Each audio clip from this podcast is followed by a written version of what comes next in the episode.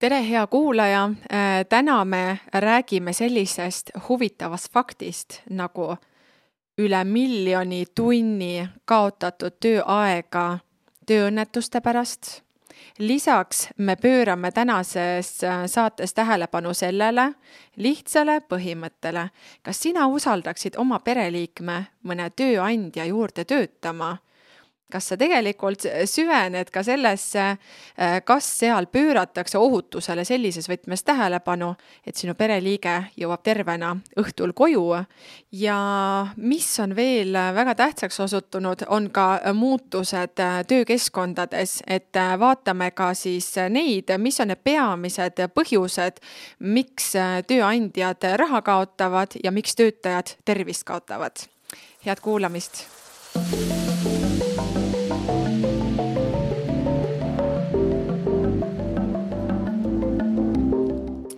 tere, hea kuulaja, äh, rõõm äh, sind jälle seal teisel pool äh, kuulda, et sa meid kuulad seal.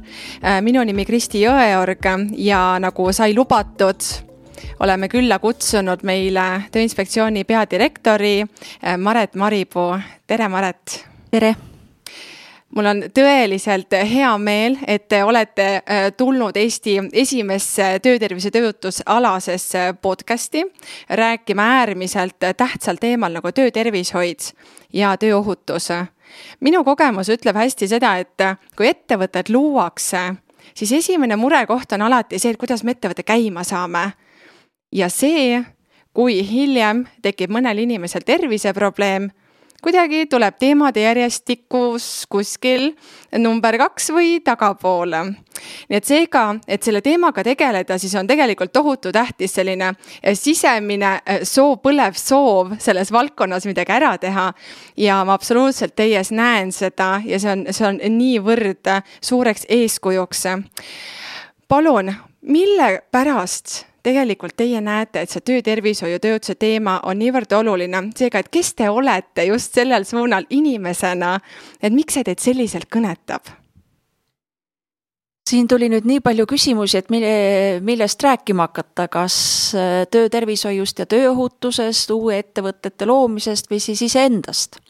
et kui meie nüüd vaatame, kui ähm, tööandjad või ütleme, ettevõtjad hakkavad uut ettevõtet looma, siis sellest tuleb ka info Tööinspektsiooni ja me kohe alguses saadame ettevõtjatele kirja,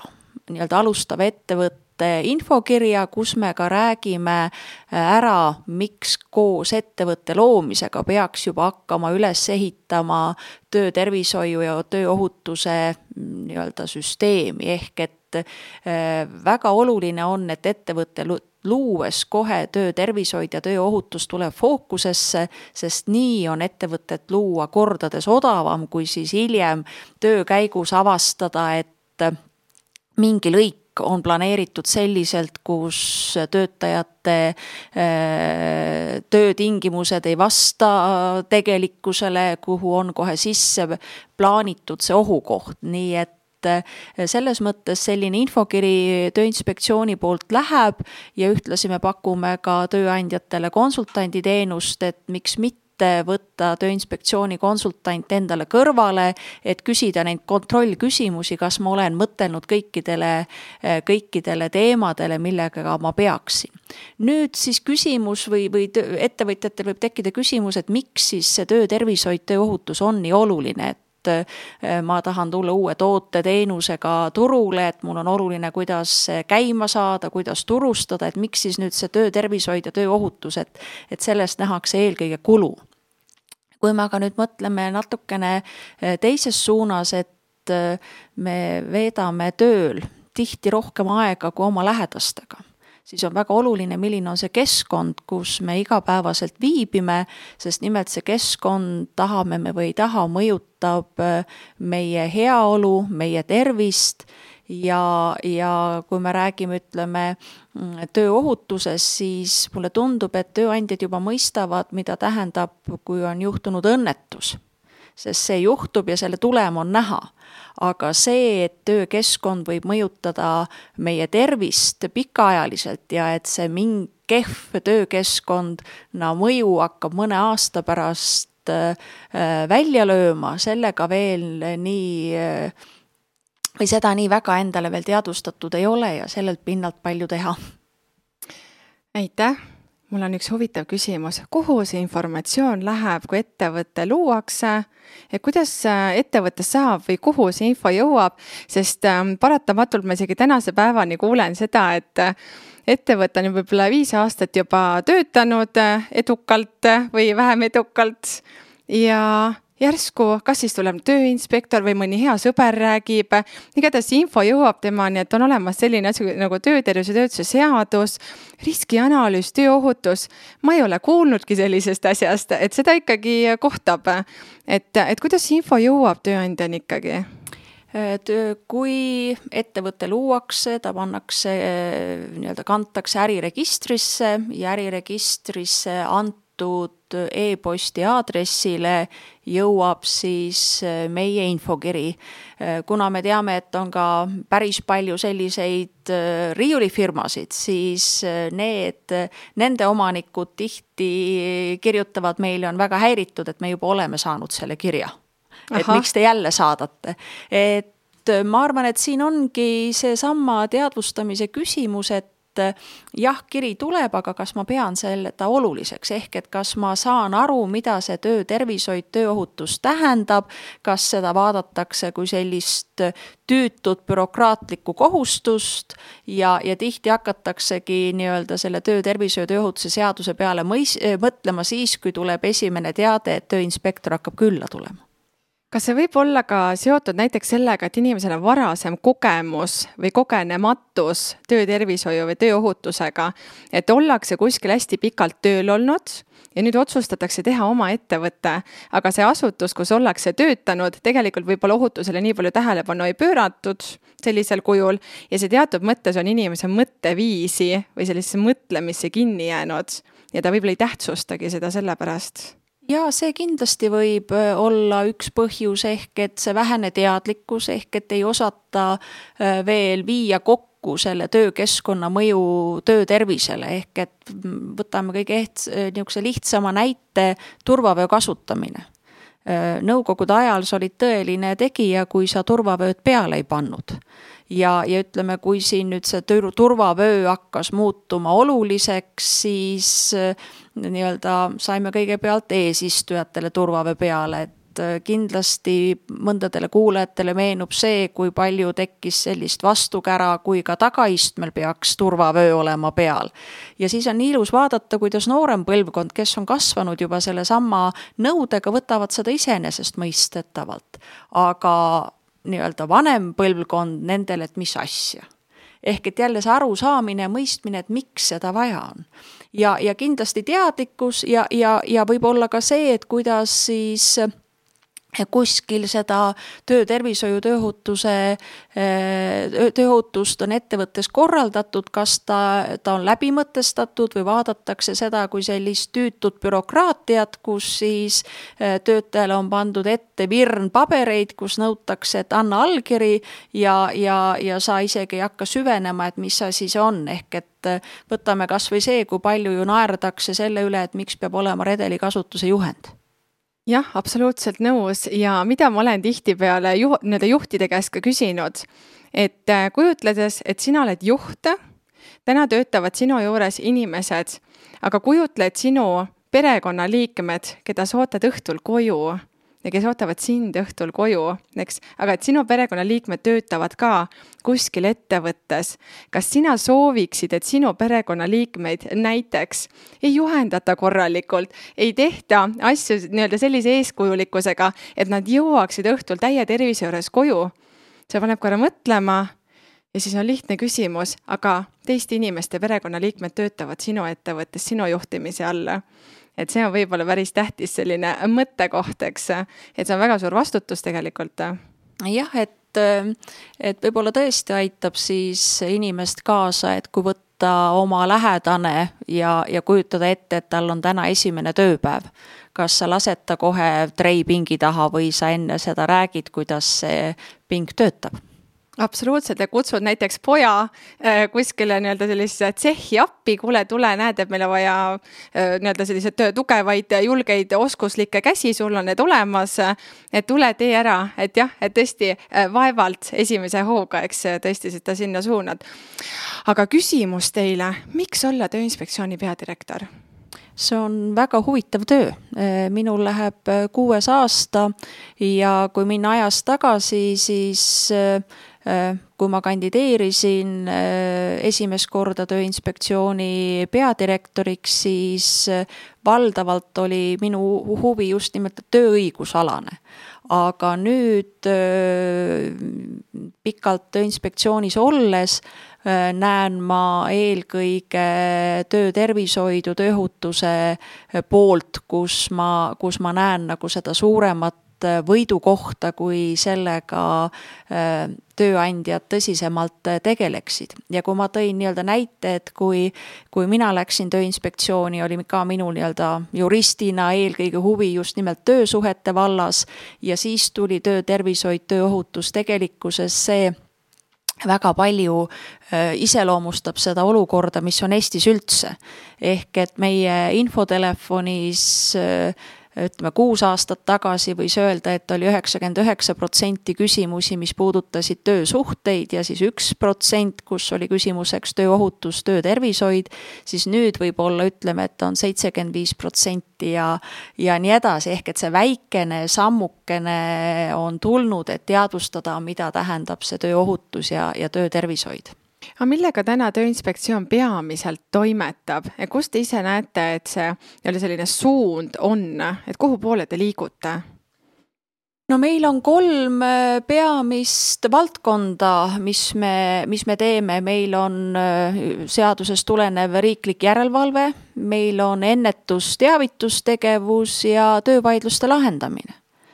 ja, ja need kolm meie teenust on seeläbi, mille me siis äh, Eesti inimeste juurde jõuaksime. Ja, ja minu nii-öelda kõige suurem eesmärk oleks see, kus siis läbi ennetus- ja teavitustegevuse me saavutaksime nii hea tulemuse, et selle, selle pinnalt äh, nii-öelda vajadus järelevalveks väheneks ja et seeläbi oleks ka töövaidlusi vähem. samas, kui inimeste teadlikkus on suurem, siis äh, käiakse jälle ka oma õiguste eest rohkem seismas, nii et see on selline, äh, sellise tasakaalu leidmise koht aga kui me vaatame neid teemasid, millega te peate kõige enam kokku puutuma, mis äh, nii-öelda igapäevaselt aina enam tulevad uuesti ja uuesti välja. Need on need teemad, mis viivad paraku inimesi tööõnnetuste, kutsehaigusteni. mis on need konkreetsed spetsiifilised teemad, mida tegelikult ka tööandja peaks siis oma ettevõttes spetsiifilisemalt üle vaatama, et kuule, kuidas minul ikkagi nende asjadega on, kui ma nüüd olen täiesti aus no kõige olulisem on see, et tööandja kaardistaks ettevõttes olevad riskid kui me vaatame, kui kaua on jõus olnud töötervishoiu ja tööohutuse seadus, siis tundub vahest uskumatuna, et aastal kaks tuhat kakskümmend on veel ettevõtteid, kes ei ole läbi viinud oma, oma ettevõttes riskianalüüsi. just nimelt riskianalüüs on see dokument, mis annab tööandjale teada, milliste töökeskkonna ohtudega tema äh, töötajad igapäevaselt kokku puutuvad ja selle riskianalüüsi käigus, kui on riskid hinnatud, peab ju tööandja tegema tegevuskava, mis annab siis selle teadmise, et mida teha konkreetses ettevõttes, erinevates töölõikudes, et see oht äh, töötaja elule ja tervisele oleks äh, minimaalne. me ei saa ütelda, et meil õnnestub luua selline töökeskkond, kus mitte kunagi mitte midagi ei juhtu, et äh, ikka võib juhtuda, aga, aga oluline on see, et see tagajärg oleks võimalikult Äh, leebe, ehk et äh, üks eesmärk, et kui tõesti õnnetus juhtub, et siis oleks tegemist kerge õnnetusega, mitte raske või siis kõige mustema stsenaariumi juhul, eks on tegemist töösurmaga. ehk et see peamine asi on riskianalüüs kui seda ei ole, siis ei ole tööandjal ülevaadet, milliste riskidega töötajad kokku puutuvad ja siis ei saa ka neid riske maandada, et see on esimene asi. teine asi on nüüd siis äh, töötajate juhendamine ja väljaõpe, mitte nii-öelda formaalselt paberi peal, vaid tõesti olla kindel, et töötajad teavad, kuidas ohutult ja tervist hoidvalt tööd teha ja kolmas, kui nüüd need kaks asja on olemas, siis kolmas on see, et ikkagi loodakse eh, nii-öelda eh, oma ettevõtte ohutuskultuur ja et oleks ka siis selline sisekontroll veendumaks, et tõesti neid kehtestatud reegleid järgitaks, sest meie oma praktikas näeme, eh, millal juhtuvad õnnetused. kolmkümmend viis protsenti tööõnnetusi juhtub töötamise esimesel aastal, ehk et kui tööandja panustaks uutesse töötajatesse, saaks juba väga palju õnnetusi ära hoida. ja järgmine riskigrupp on nüüd need tööandja kuldsed töötajad, ehk et kes on olnud ettevõttes väga pikalt, kes teavad ja tunnevad oma tööd väga-väga hästi, aga just nimelt see väga hea tundmine ja oskus hakkab inimest muutma hooletuks. ehk et et äh, sa tunned mingit protsessi nii hästi, et sul on aega mõtiskleda muudele asjadele, ehk et see tänapäeval väga populaarne siin ja praegu ehk et see kohalolek on tööprotsessis äh, väga oluline. Ehk et äh, nende kahe grupiga tegeledes oleks jälle seesama töökeskkond ohutum ja parem. Kui me nüüd räägime näiteks töökeskkonna riskianalüüsist lähemalt, et et äh, me teame ju seda, et äh, ettevõttes siis peab olema see nii-öelda oskusteave olemas, et osata siis töökeskkonda juhtida. aga milline on see praktika, kui nüüd vaadata ettevõtete poolt koostatud riskianalüüse? ja millise kvaliteediga nad selles mõttes on, et küsimus sellel suunal, kuna riskianalüüsi alusel tuleb ju otsustada tervisekontroll, isikukaitsevahendite kasutamine, sisekontroll, tegevuskava, ohumärgistus, mõõtmised. kuidas see kvaliteet tundub ja millest see võib sõltuda? kvaliteet on väga-väga erinev, on suurepäraseid ettevõtteid, kus on ideaalsed riskianalüüsid mitte ainult paberil, vaid kogu see süsteem on läbi viidud, on vaadatud, kuidas see nii-öelda riskide juhtimine ettevõttes toimub, on vaadatud üle nii-öelda erinevad ajad, millal siis jälgida, et nii-öelda see teadmine oleks kogu aeg värske, sest keskkond on ju ka muutumises. ja on selliseid ettevõtteid, kes, nagu ma ennist ütlesin, et ei ole kunagi mõi-, teinud riskianalüüsi ja ega mõista selle riskianalüüsi vajadust et see on tegelikult hästi kurb, et ma ise olen ka käinud noh, tööandjaid kohtus nõustamas, abistamas, ka vandeadvokaate nõustanud. ja paraku olen mitmel korral istunud seal vastavalt selliselt tööandja poole peal, et riskianalüüs on hästi-hästi puudulik, sellepärast et ei tunta seda metoodikat et millised on need kanalid, mille kaudu tööandja võiks saada väga head informatsiooni, et teha endale üks ideaalne riskianalüüs ja saada sellest aru no praegusel hetkel äh, saab äh, pöörduda Tööinspektsiooni poole, on võimalik kutsuda Tööinspektsiooni konsultant, mis on tööandjale tasuta. meie konsultant ei tee tööandja eest riskianalüüsi ära, vaid pigem aitab mõtestada ja kaardistada neid riske ja suunab tööandjat siis ise seda riskianalüüsi tegema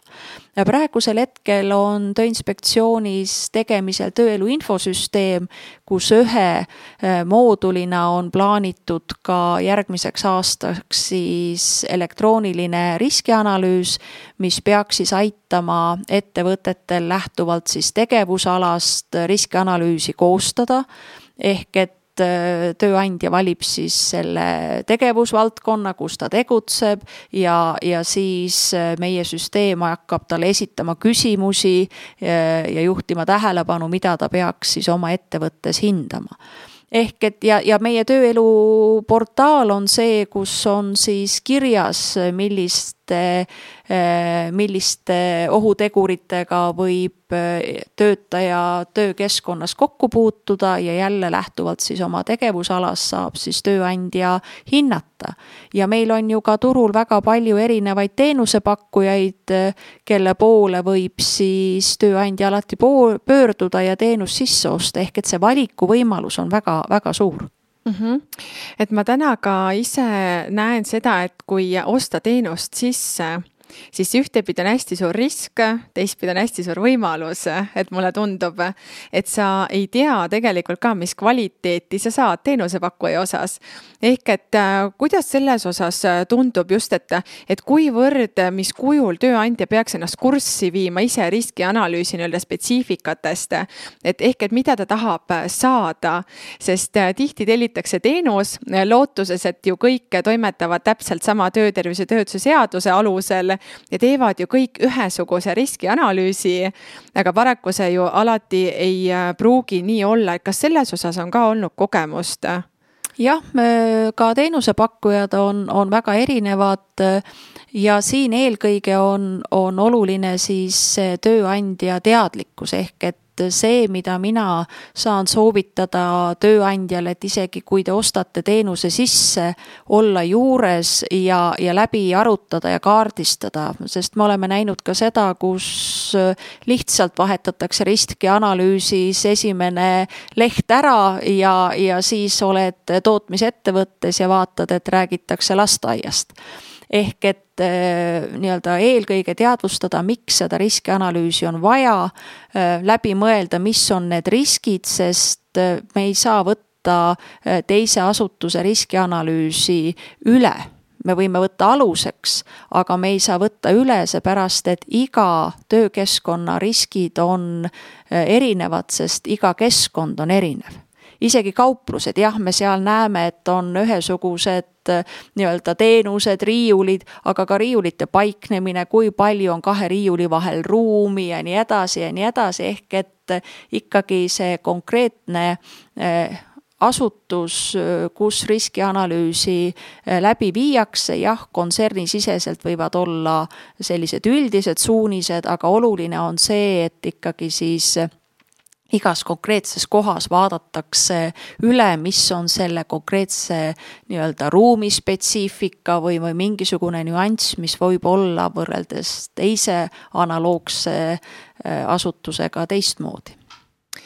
kui vaatame tõesti ka riskianalüüsi ja riskianalüüsis toodud äh, riske, kuidas teil tunne on, kas riskianalüüsis toodud riskid võivad olla ka äririskid? No neid võib vaadata, noh, ma arvan, et äririski saab kõige rohkem viia kokku psühhosotsiaalse ohuteguriga. Ehk et Äh, äh, nii-öelda psühhosotsiaalne ohutegur on nüüd see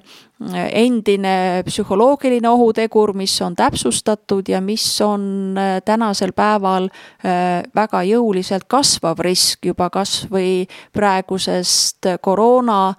olukorrast, mis on ju kogu varasema töö tegemise väga palju ringi muutnud aga kuidas äh, te näete, et äh, kuhu meil täna need psühhosotsiaalsete ohutegurite nii-öelda uuringud ettevõtetes äh, ka liiguvad just selles mõttes, et kui palju täna tööandjad teadlikult psühhosotsiaalseid ohutegureid, kui meil see teema juba ette tuli, et, et neid uurivad, et kui tõsiselt seda võetakse, kui vaatame ka infotelefoni, millised kõned näiteks sinna tulevad ja kas see teema on ka kuidagi fookuses või ta tundub teistmoodi? Ma, ma, mulle tundub, et psühhosotsiaalne ohutegur on, on juba aasta-aastalt üha rohkem kasvav teema, millega tegeletakse nii tööandjate kui ka töötajate poole pealt, sest teadlikkus on, on muutunud öö, kordades paremaks. Ja, ja ma näen, et selle teemaga tuleb tegeleda, sest see on otseselt ju mõjutab meie, meie vaimset tervist ja, ja ka tegelikkuses ettevõtete edukust, et jah, siin on palju neid asju, kus võib olla mõlemal poolel vähe nii-öelda, võib nappida teadlikkust, kuidas siis leida lahendusi ühele või teisele, teisele probleemile, aga mul on hea meel tõdeda, et tööandjad tegelevad sellega, töötajad on huvitatud ja üha rohkem ja rohkem on ju igal pool ka erinevaid materjale saada, üha rohkem pakutakse ka, ka erinevaid koolitusi, küll tasulisi, küll tasuta, ehk et selle teemaga on vaja tegeleda ja mul on hea meel, et sellega ka tegeletakse jah, et üks selline termin, mida, termin, mida võib veel sisse tuua, on selline tore asi nagu presenteism jah, et paraku ka selline nähtus töökeskkonnas ehk et inimene käib haigena tööl ja ta võib olla ka häiritud vaimselt. ja see tegelikult tähendab seda, et inimene ei tööta täie fookusega, täie produktiivsusega, et absoluutselt tegelikult ju jõuame sinna, et kõik need ohutegurid võivad olla väga tugevalt äririskid.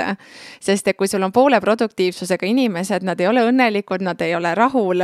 nende baasvajadused, turvatunne on tegelikult rahuldamata, siis äh, sa ei saa seda tulemust, mis sa sealt saada võiksid, eks, tegelikult. jah, kui me vaatame ükskõik millist ohutegurit, et et eh, jah, mina tõin siin psühhosotsiaalse välja, aga kui ei ole teisi ohutegureid maandatud ja juhtub mõni õnnetus, väga kallis liin eh, võib eh, vähese näiteks juhtimise või ütleme, juhendamise ja väljaõppe tõttu ka katki minna, nii et, et selles mõttes on, on väga oluline kõik need riskid ära hinnata, et ta siis jah, pärast kogumis või siis ühekaupa selleks äririskiks juba siis ärikahjuks ei, ei muutu. absoluutselt. milline on üks hea juhendamine? kui, kui kirjeldada ühte sellist head juhendamist, kuidas viia töötajale läbi üks hea juhendamine? Noh, ma arvan, et siin on väga oluline nii-öelda koostöö, sest et inimesed on ju väga erinevad, mõni haarab väga kiiresti, mm, sõltub sellest, milline on inimese ettevalmistus, aga hea juhendamine on see, kui juhendaja saab aru, et juhendatav on aru saanud ja kui juhendatav saab ka aru, et nüüd ma tean ja oskan, ehk et ta ei karda iseseisvalt tööle hakata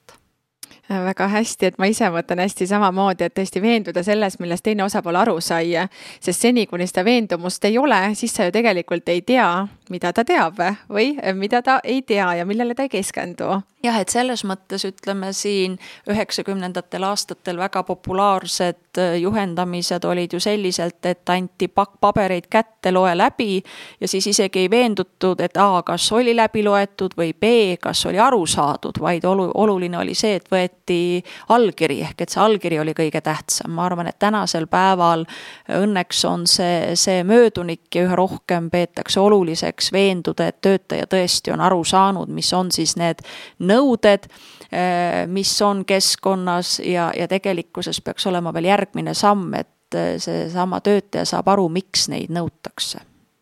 Väga hea suund. Ja miks, sest meil maailm liigub aina enam eh, digi poole ja mida me ju tegelikult näeme igapäevaselt, tulevad ka need videojuhendamised, eh, saadetakse sulle juhendid emailile näiteks, loe läbi, pane allkiri. kuidas selline lähenemine on kooskõlas eh, selle väljundiga, et juhendaja on aru saanud, millest juhendatav aru sai? No see ongi nüüd see süsteem, kuidas ettevõte selle üles ehitab, keegi ei ütle ju, et juhendamine ei võiks olla video teel tehtud, võib-olla see ongi parem, kui, kui siis ütleme, ja seda saab teha kordades põnevamalt, kui siis võib-olla niisama sellist ühe inimese poolt igavalt või tülpinult räägitud, kuidas tuleb midagi teha. aga nüüd on siis väga oluline see, et äh, kuidas siis äh, tööandja veendub selles, et see video teel ära vaadatud juhendamisest on ka töötaja aru saanud. ehk et me ei saa olla ainult formaalsed, vaid me ikkagi peame veenduma, et inimene on aru saanud, mida talt nõutakse ja veelgi olulisem, miks seda nõutakse absoluutselt, ehk et vestlust peab kindlasti järgnema. No kas see nüüd sõltub, et mida, mida juhendatakse, et äh, võib-olla piisab, kui vaadatakse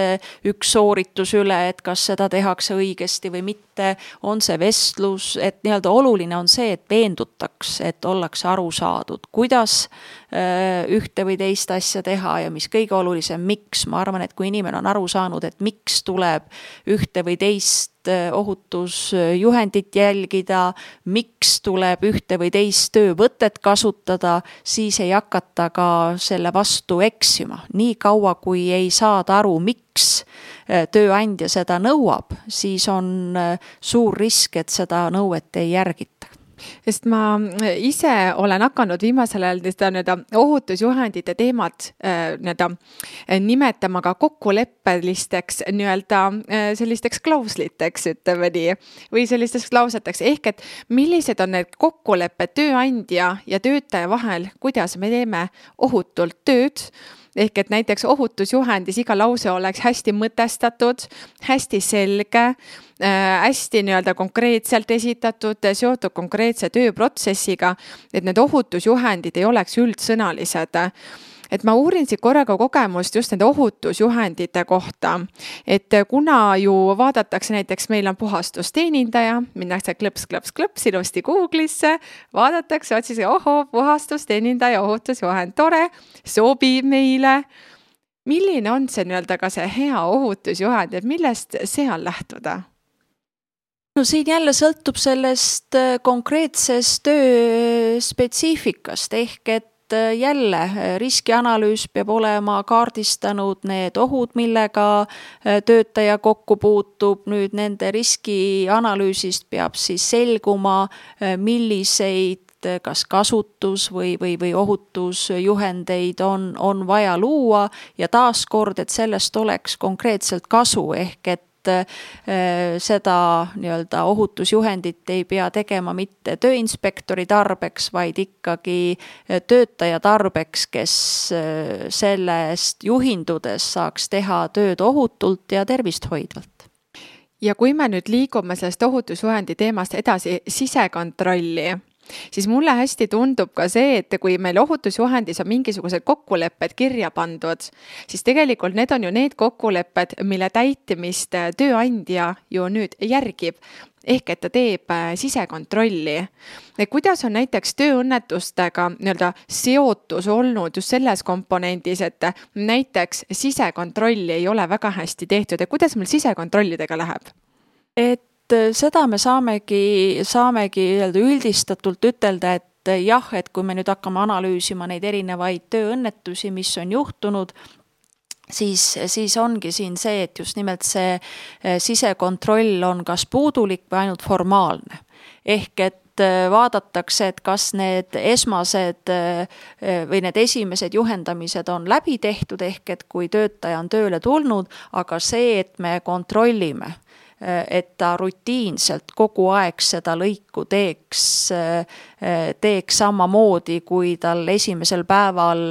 nõuti, sest me ju kõik hakkame mingil hetkel optimeerima ja vaatame, et kas me saaksime midagi kiiremini, kergemini teha. Ja tihti siis võib, võib olla see, kus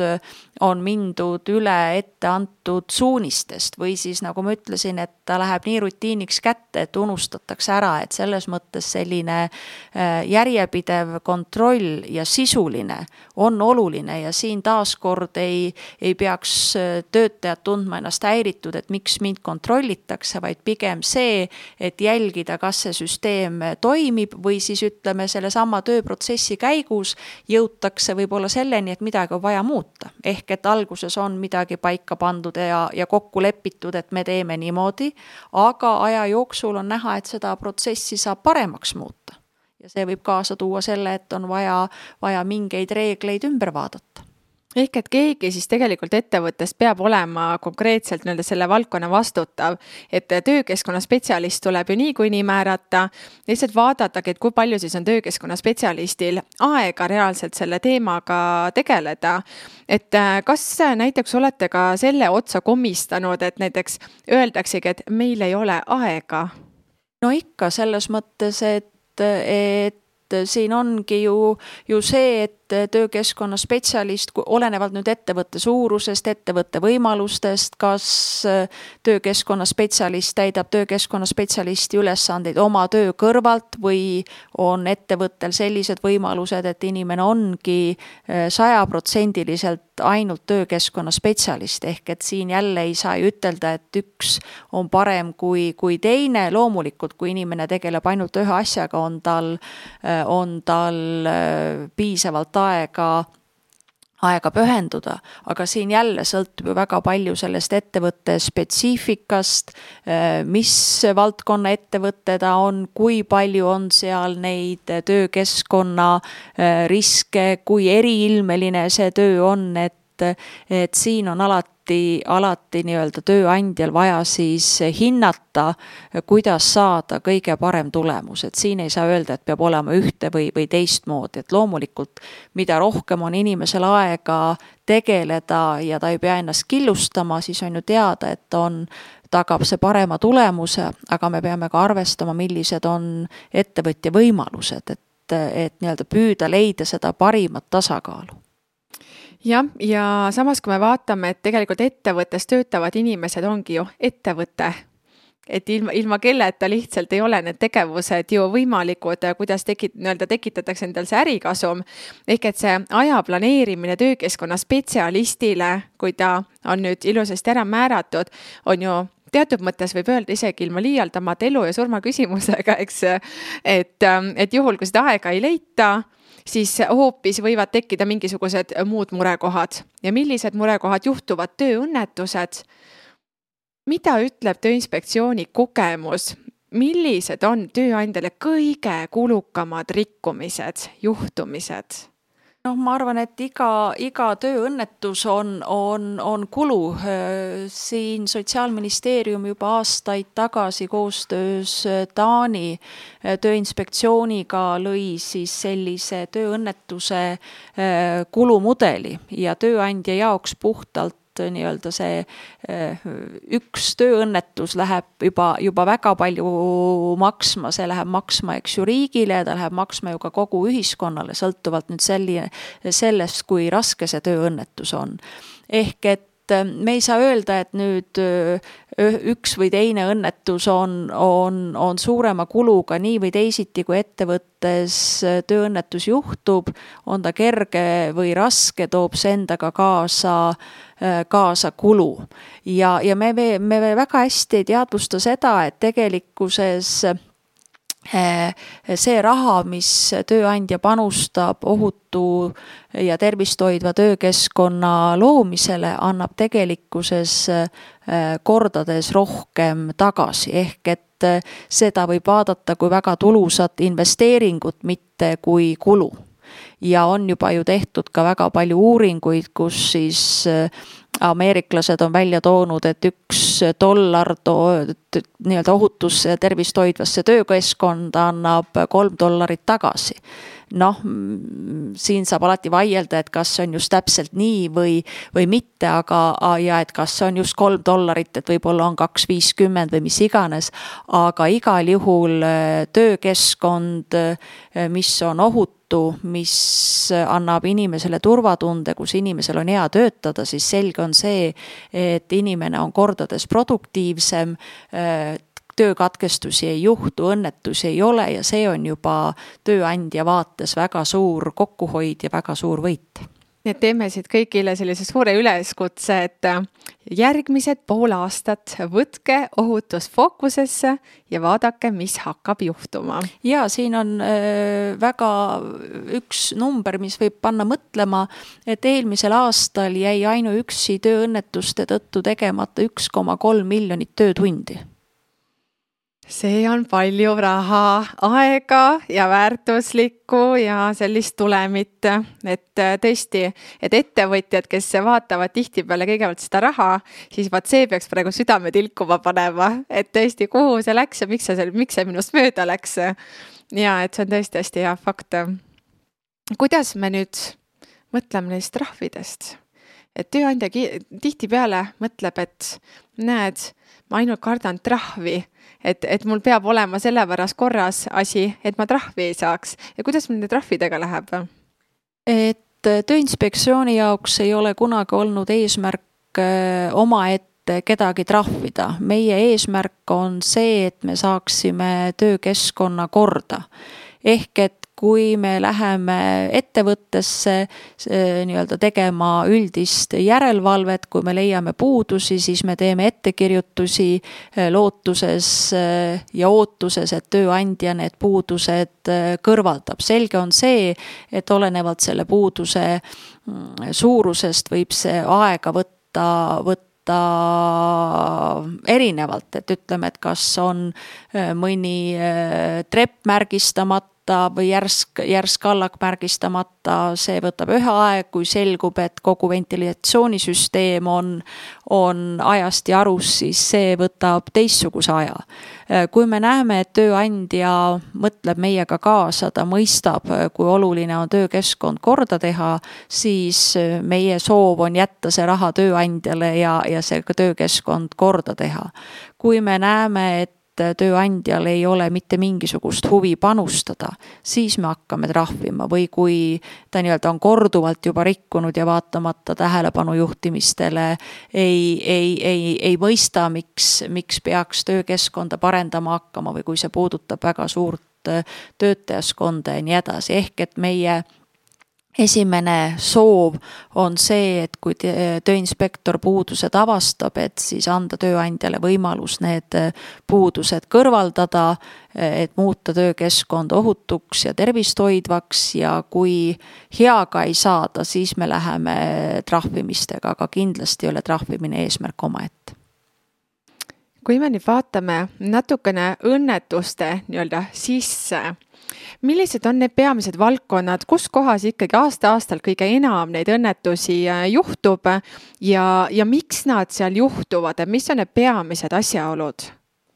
no me saame välja tuua kaks äh, peamist põhjust, mis on nii-öelda teistes kordades ees, ehk et kuskil siin olenevalt aastast siis kas kolmkümmend või kuni kolmkümmend viis protsenti tööõnnetustest on tingitud sellest, et töötaja kaotab siis kontrolli kas masina, eh, transpordivahendi, käsitööriista, objekti või, või looma üle. Ja siis teisel kohal siin eh, kakskümmend kuni kakskümmend viis protsenti on inimese siis libisemine ja kukkumine, komistamine samal tasapinnal. Ehk et see viimane näide, libisemine, komistamine, kukkumine samal tasapinnal, see ei nõua suuri investeeringuid, vaid see nõuab eelkõige teadlikkust, et ma vaatan, millised on need käiguteed, kas ta ei ole libe, kas vesi, mis on maha läinud, kuivatatakse ära või, või see jääb sinna ja, ja see nii-öelda pind muutub libedaks, need on juhtmed, kas nad on nii-öelda kinnitatud nii, et kellegi jalg ei jää taha või siis äh, kastid, pakid, mis vahest jäetakse vedelema just nimelt nende liikumisteede juurde, ehk et see ei vaja investeeringuid, vaid pigem sellist, äh, sellist teadlikkust. Ja noh, sellesama viimase näite puhul on see, et Äh, siia äh, saatesse sõites nägin ühte ilusat teeviite, kus öeldi, et Äh, ära loe äh, nii-öelda mobiilist uudiseid, vaid vaata teele. ehk et seesama käib ka töökeskkonnas, et kui sa liigud punktist A punkti B, vaata, et kuhu sa, kuhu sa liigud, mitte ära loe sealsamas äh, telefonis uudiseid. ja, ja siis selgub, et keegi on mingi kasti unustanud sinna liikumisteele, kus tavaliselt teda ei ole nüüd jõudsime järgmisesse huvitavasse punkti, kui me vaatame töö ähm,, neid tööõnnetuse raporte kuidas seal on ikkagi need kirjeldamised olnud, et no kes ikka rohkem süüdi tunnistatakse ja kes on valmis äh, nägema ka siis enda tegemises või tegemata jätmises ka neid nii-öelda siis põhjuseid ja valmis neid tunnistama?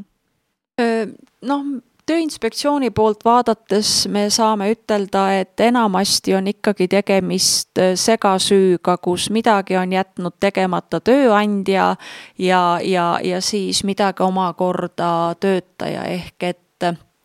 et äh, head töökeskkonda saab luua ainult koostöös, kus panustab nii tööandja kui töötaja, tööandja peab ära hindama töökeskkonna riskid, võtma äh, tarvitusele erinevad äh, meetmed, andma sellest töötajatele teada ja töötajad peavad neid kehtestatud juhendeid ja reegleid järgima, et teoorias on see lihtne, praktikas see tihti ei, ei kipu nii välja tulema jah, et kui vaatame siis ka sellist rahvusvahelist statistikat ohuolukordade kohta, mis on ka teine tegelikult tohutult tähtis teema, et igasugused õnnetused ja ohuolukorrad toimuvadki just inimfaktori kui sellise pärast, eks. et kui näiteks ju juht jätab korralikult juhendamata või eestööline jätab või siis ka kontoris jäetakse uued inimesed juhendamata, siis tegelikult see otsus tuli ju inimfaktorilt, eks. ja nüüd ei ole üldse imegi, et selle inimfaktoriga, kes justkui nüüd uuesti ju tööle tuli, meile, temaga võibki midagi juhtuda. et see ongi selline tore tõesti inimfaktori äh, kooslus, eks.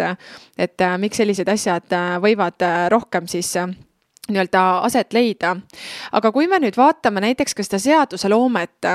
et kuhu poole on seaduseloome liikumas või millised on sellised mõtted, vajadused välja tulnud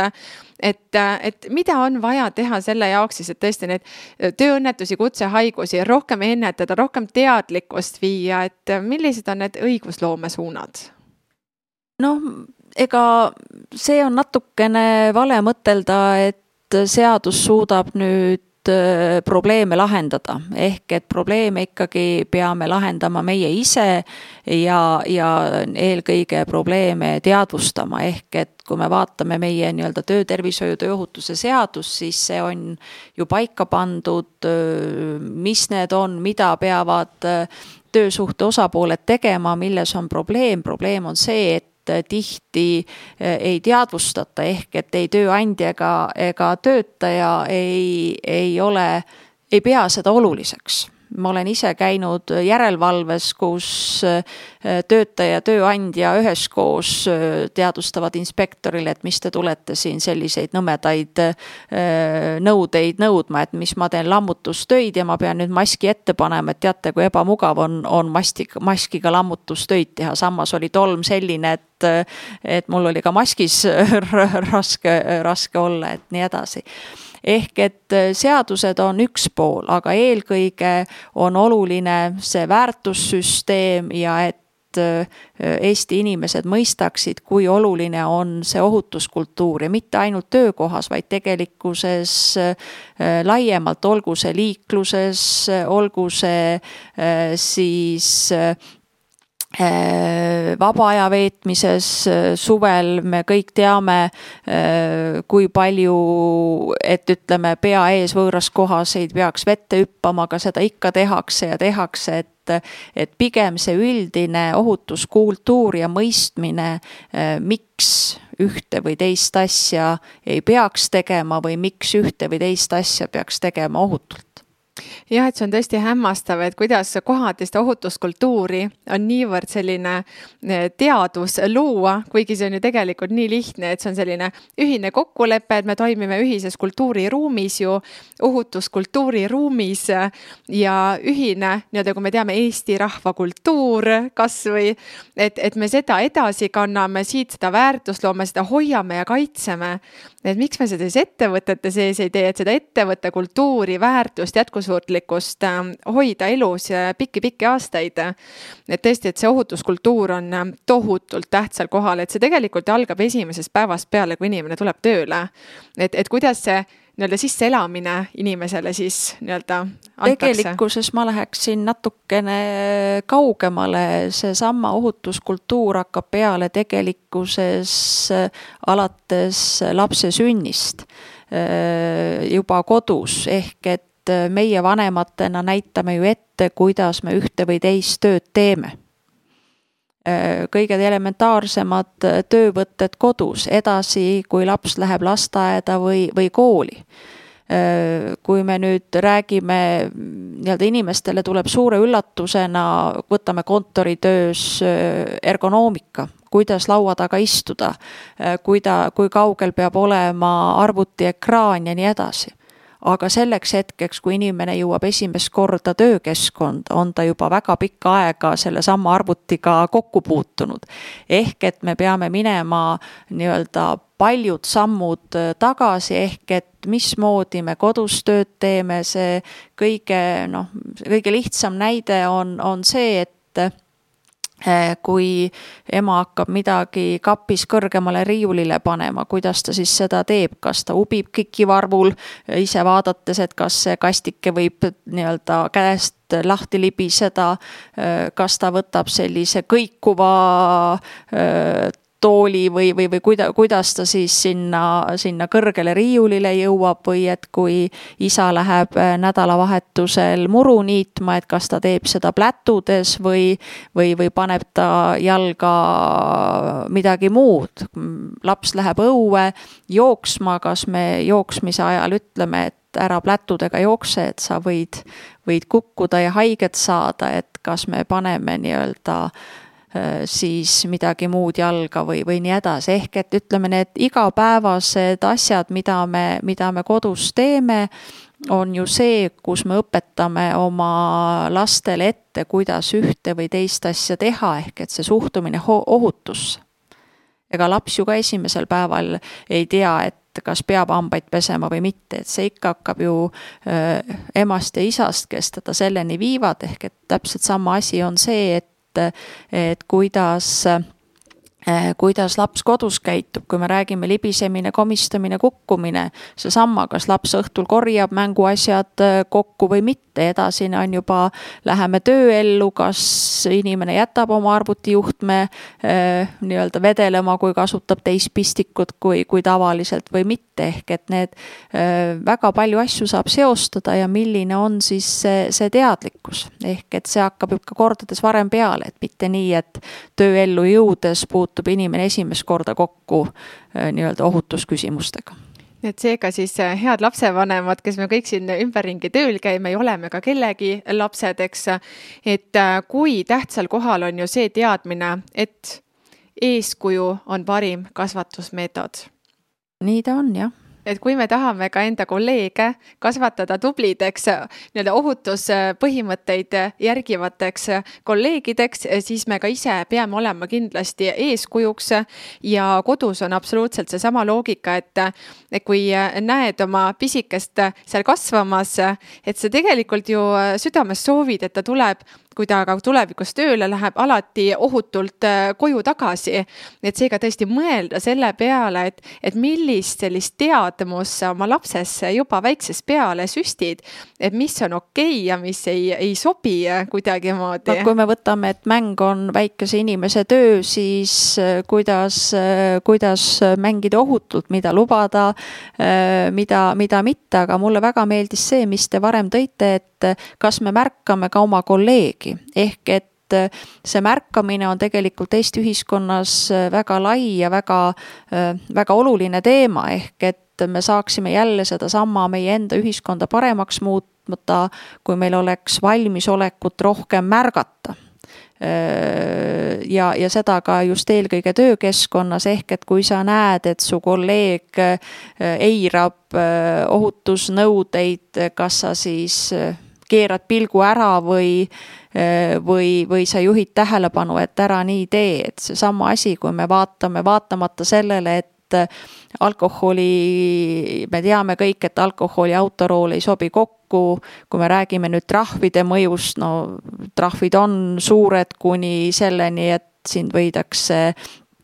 vangi panna, su auto võidakse ära konfiskeerida ja nii edasi, aga ikka Äh, nii-öelda purjus inimesed autorooli jõuavad, ehk et kas mina nii-öelda seltskonnas olles, kus inimesed on lõbusad, veedavad aega, et kas ma nii-öelda vaatan, et keegi autorooli ei satu või seesama, ütleme viimasel ajal väga jõulist tähelepanu saadud koduvägivald, ehk et kas kui ma kuulen naaberkorteris midagi, et kas ma siis panen muusika kõvemini mängima või, või mul on valmisolekut ja julgust sekkuda. või seesama, kui, kui sa seisad bussipeatuses ja näed, kuidas võib-olla suuremad poisid väikest poissigi kiusavad, et kas sa pöörad selja või sa siis sekkud, ehk et loomulikult siin on ka alati see, et peab noh, nii-öelda hindama, et kas on tark sekkuda ise, aga, aga samas on alati võimalik siis kutsuda politsei ja nii edasi, ehk et see märkamine ja valmisolek sekkuda on, on väga oluline ehk et julgeme reageerida. just. meie teemad on väga põnevad, ma usun, et väga paljud nii äh, töötajad kuskil kui ka tööandjad on saanud praegu sellise salajase kontrollloendi, et nüüd lähen töökohale, vaatan, kuidas siis ikka meil nende asjadega täpselt lood on. aga hakkame tänast saadet nüüd nii-öelda kokku juba tõmbama, sest et muidu võib siin lõputult rääkida nendel teemadel kuidas teile tundub, mida te sooviksite öelda tööandjale, üks sõnum tööandjale? Mul on sõnum nii tööandjatele kui töötajatele ehk et tehke koostööd, head töökeskkonda saab luua ainult läbi koostöö, kus mõlemad osapooled on üksteise heast käekäigust huvitatud. kui ei ole tööandjat, siis minul kui töötajal ei ole leiba laual ja vastupidi, kui mul ei ole head töötajat, siis ma ei saa oma äriideid ellu viia. ehk et kõige alus on koostöö, vastastikune austav ja lugupidav suhtlemine, mõlemad pooled peavad selgitama ausalt üksteisele oma ootusi ja oluline on ka üksteist mõista, eriti praeguses koroona ajal, kus ütleme, seda töökeskkonnas on väga palju Äh, selliseid äh, olukordasid, mida tuleb väga kiiresti lahendada, meil ei ole veel nii palju häid teadmisi, kuidas seda teha, siis on oluline, et äh, vastastikku ollakse toetavad ja et üheskoos püütakse leida neid parimaid lahendusi. ma arvan, et see oli väga kaunis lõpp meie saatele. ma väga tänan, et leidsite aega tulla Tööinspektsiooni peadirektor Maret Maripuu. Ja julgustan kõiki tööandjaid siis, kui te tunnete, et on vaja nii-öelda sellist toetust oma tegevustele, mõtteid, ideid, pöörduge väga julgelt Tööinspektsiooni poole. Seal väga hea meelega aidatakse, sest me kõik ju töötame ikkagi kokkuvõttes iseenda hea tervise nimel ja ka enda kolleegide ja ettevõtte toimimise nimel. aitäh, et kuulasite ja järgmise saateni